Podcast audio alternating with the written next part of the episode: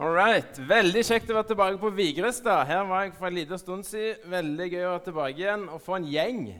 Utrolig gøy å se dere, alle sammen. Dette er fest. Dette er veldig kjekt. Og så bladde jeg litt i familiebildene her en dag, og så fant jeg et bilde som jeg bare måtte ta med her. Ser dere bildet? Dette, jeg heter Tormod Helland, eh, og dette er min sønn. På, nå er han åtte år. På dette bildet her så var han seks år. Og I dag så skal vi jo eh, liksom, på en måte feire at noen reiser. Men dette her, den dagen her på det bildet her, så var det ikke sånn festreis. For David han var meget fornøyd egentlig med tilværelsen. Ikke fornøyd med tilværelsen. Eh, så han ville rømme. Han ville vekk fra mamma og pappa, og han ville ut av huset, leiligheten som vi bodde i her.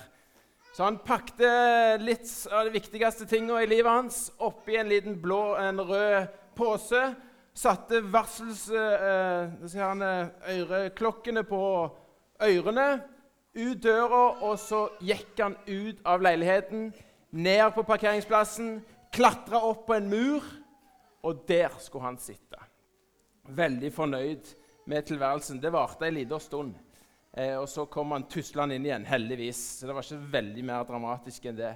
Men det er litt sånn spesielt når noen er på reis. Og i dag så er det en sånn dag der vi på en måte noen reiser fra oss. Og det kan, det kan oppleves ulikt. Noen ganger når, vi, når, noen reiser fra oss, er det greit, det er greit å grine. Altså. Jeg er fra en sånn grinefamilie, så vi griner masse hos oss. Det er lov å være lei seg. Det er lov å på en måte sørge litt. Dere ser på disse bildene. det er veldig trist og leit når noen reiser. Og det er greit, for så vidt. Men det som er også, at vi skal få lov å juble, vi skal få lov å være glad. Så dere, de er så glad for at noen reiser. Så dere det? Jeg håper ikke foreldre og venner og sånn er veldig glad for at uh, Tony og Kjetil reiser, men de er kanskje litt glad òg, sånn egentlig. Eh, og han får burger, høres det ut som, i Mongolia òg, så det er no problem. Men hvorfor er dette en gledens dag? Hvorfor er vi glad for at de reiser til Mongolia? Jo, vi er glad fordi at vi vet Vi vet hva de har med seg i bagasjen. Vi vet hva de har med seg i bagasjen sin. De har med seg en skatt. De har med seg en skatt i bagasjen sin. De har med seg et fantastisk budskap som kan forandre mennesker som de møter på veien sin. Har med seg faktisk det aller, aller beste som Mongolia kan få. Det aller beste som Mongolia kan få, det har de med seg i bagasjen sin. Nemlig nyheten om Jesus. Og Derfor så er vi glad i dag. Derfor så feirer vi i dag. Derfor dette er dette en fest.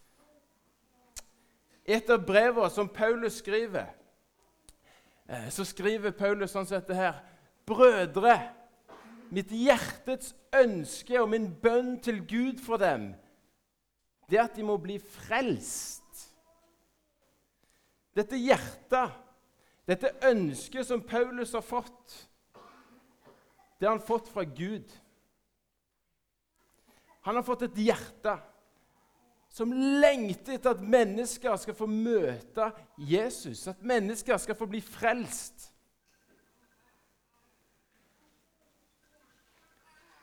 Ble sånn, Jeg håper ikke det er min telefon. Det ville vært ypperst pinlig hvis det var min telefon som begynte å ringe. Men det går bra. Den, den, den gir seg etter hvert. Da har vi plassert det. Eh, I et av brevene til Paulus skriver han mitt hjerte ønsker det, og min bønn til Gud er at de må bli frelst. Og dette nydelige verset eh, det har vi på en måte fra Det gamle testamentet. Fra David, fra Jeremia, fra Esekiel. Så vitner Gud om at en dag, en dag så skal folket få et nytt hjerte og en ny ånd.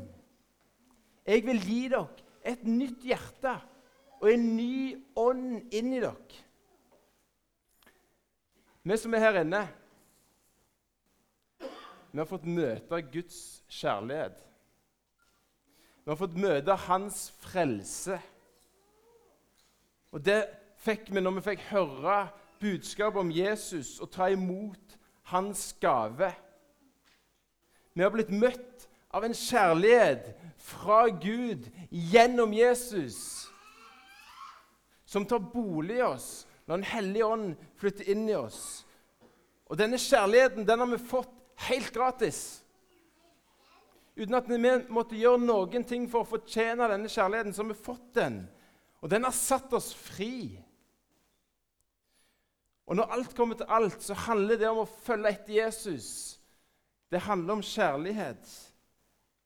For når vi tar imot denne kjærlighetsgaven fra Jesus, så skaper det en takknemlighet i oss, en ydmykhet og et sterkt sånn ønske om å få gi ære tilbake, gi kjærlighet tilbake til Gud.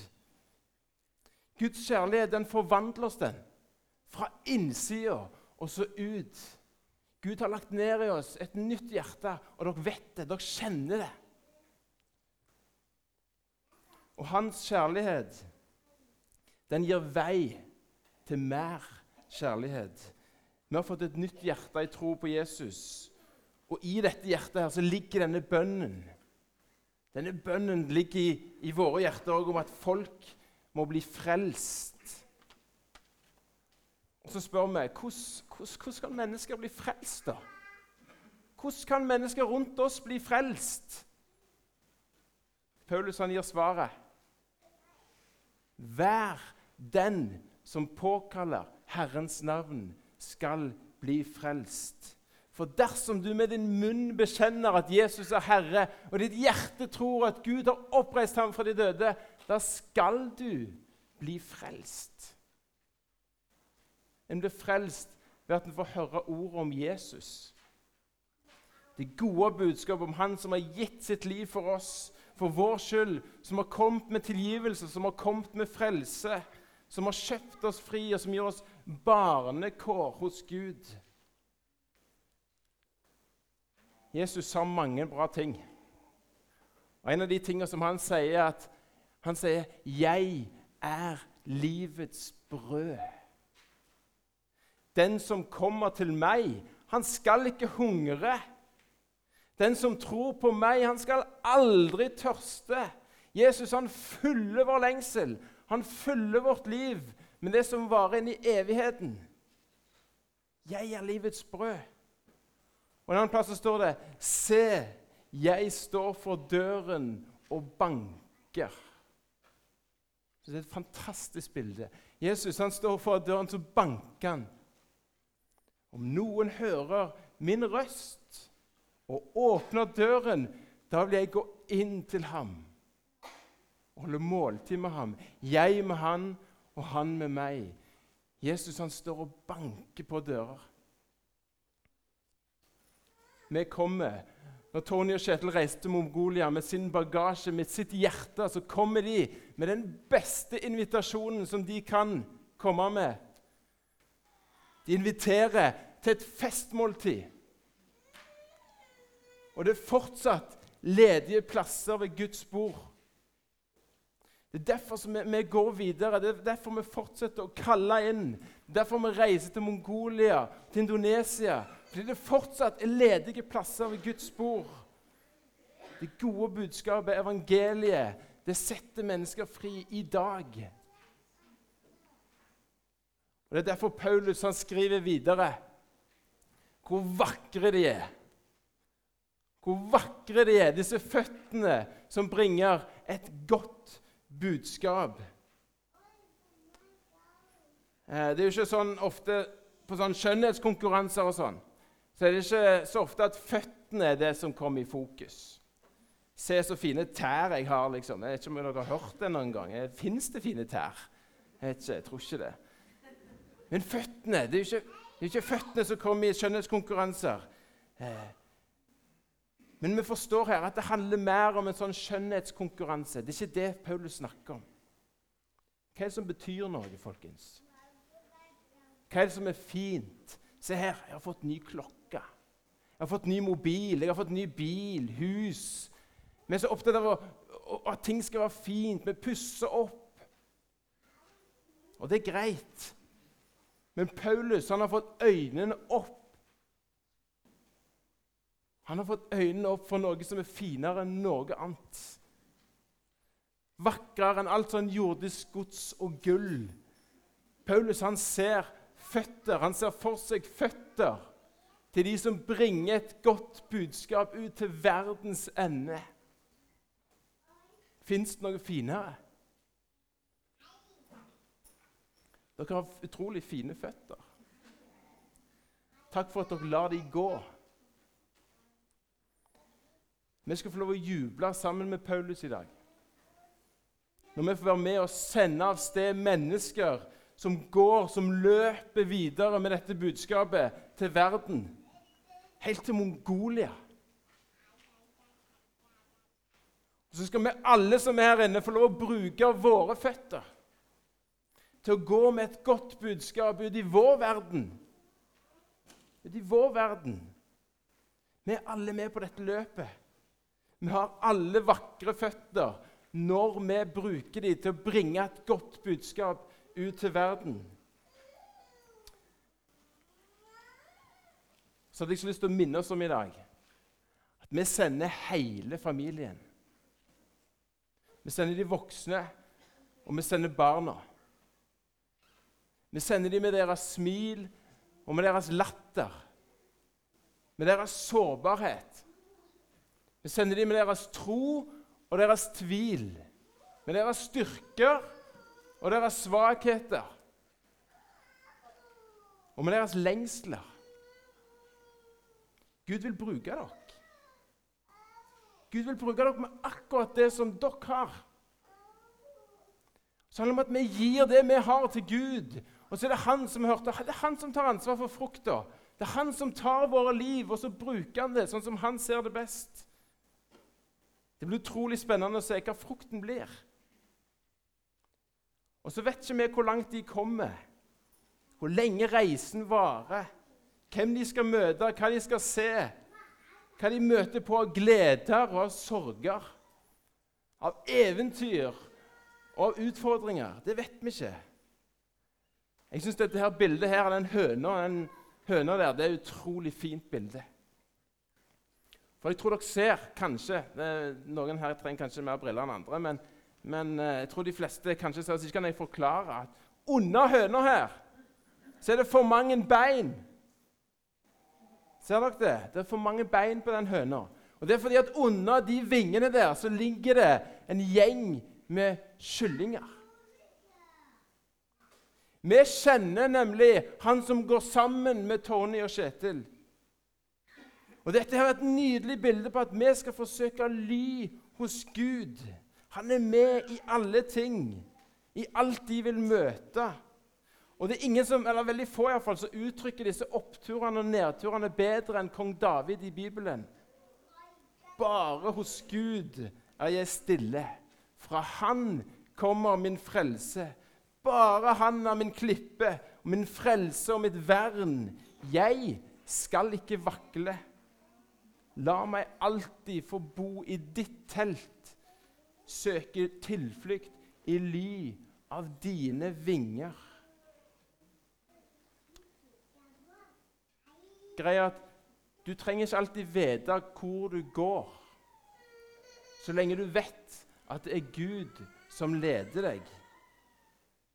Og Vi skal få være trygge på at uansett hva som ligger foran, uansett hva som kommer, så er Gud der.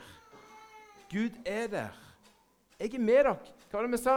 Jeg ble litt confused om jeg skulle ta den, for jeg er ikke så god i nynorsk. Men jeg er med dere alle dager inntil verdens ende. Så står det at vi skal få gå i ferdiglagte gjerninger. Når han David, gutten min, når han rømte ut av leiligheten vår, så var jeg egentlig ikke så veldig redd. Det var jo alltid litt kjipt når ungene rømmer fra deg. og 'Hva har du gjort galt?' Og det er litt deilig òg når de rømmer. av Eh. Men det som var, da Jeg kunne følge gutten min hele veien. Han gikk der, og de tok bilder. og Kjempekjekt. Så gikk han rundt, og så klatra han opp på muren. Men jeg var ikke redd, for jeg hadde kontroll. Jeg så han. Og Jeg lot han aldri gå så langt som at jeg kunne hente han inn igjen. Jeg, ikke snakk om at han fikk gå ut porten på hovedveien. Men jeg hadde kontroll, så jeg var ikke redd. Sånn er det oss òg. Gud, han er med oss i alt. Gud, han ser oss. Gud har kontroll. Vi er under hans vinger, og han gir oss det som vi trenger hver dag. Det er bra det var snakk om repetisjon her, for jeg skal ta opp et bilde som jeg tok opp sist jeg var her. Det var et veldig bra, sier læreren, å repetere litt. Dette her er et bilde på Jesus som møter Peter på stranda. Og Så kaller han Peter til å følge etter seg. Og Så har jeg tenkt en del på Peter og så har jeg tenkt en del på dette med kall og tjeneste, og det passer i dag.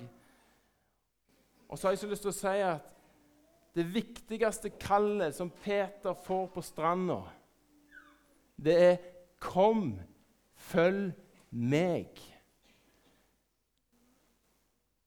Det er veldig mye Peter ikke får vite på stranda den dagen der. Om veien videre, om planen, om strategien, og hva jeg skal gjøre, og hvor skal jeg gå, og, og, og hvor lenge skal vi holde på med det, og sånt. Det kan være sånne spørsmål som oppleves veldig viktige for oss, og som stresser oss litt av og til. Kom, følg meg. Det er planen til Jesus. Det er planen til Jesus. Vårt egentlige kall, vår viktigste kall, det er ikke en oppgave eller en sånn tjeneste i Guds rike. Det er flott og fint. Men vårt viktigste kall, det er å følge etter Jesus. Å følge etter Han. For det avgjørende for Peter her, i retningen som han får nå, det er ikke hva han skal gjøre hva oppgaver og tjenester han får. Men det avgjørende for Peter etter denne dagen her, det er hvem han følger etter. Og Den relasjonen som han begynner å bygge med Jesus, det kommer til å forme resten av hans vandring gjennom hele livet. Følg meg. Følg meg. Det fins visstnok et gammelt jødisk uttrykk som sier noe sånn som dette her at den som følger etter rabbien eller læremesteren eller mesteren, må bli dekka av støvet hans. Og vi skjønner hva det mener. I en tid der det sikkert var mye støv, så handler det om å, å, være så nær rabbien sin, mesteren sin, at du ble dekka av støvet, sånn at du på en måte du, du forsto og lærte det som han gjorde. Og Det er et veldig stilig uttrykk. Og jeg tror vi forstår at det handler mer om støv det handler om intimitet. Det handler om nærhet til vår rabbi. Vår mester, Jesus. Det viktigste dere kan gjøre, og det viktigste som vi kan gjøre, det er å holde oss nær mesteren. Vi skal få se på Jesus. Vi skal få følge etter Jesus og holde oss nær, tett inntil Han og spise av Hans ord og bli dekka av Hans støv, det er den beste plassen å være i liv og i tjeneste. Må Gud velsigne dere, må Gud velsigne oss alle. Takk, Jesus. Takk, Jesus, for at du elsker alle mennesker som bor her på Vigrestad. Takk for at du døde for dem og Takk, Jesus, for at du ønsker at de skal få komme til tro på deg, Jesus. Hjelp oss som er her inne, til å være føtter som bærer det gode budskapet til alle mennesker som bor på Vigrestad, Jesus. Og takk, Jesus, for at du elsker alle mennesker som bor i Mongolia, Jesus. Takk for at du døde for dem, Jesus. Og takk for at du ønsker at de skal få komme til deg og bli frelst, Jesus. Må du hjelpe Espeland må du hjelpe oss alle til hver føtter som går til Mongolia med budskap om deg, Jesus. Takk for at du er med oss uansett hver dag til verdens ende. Amen.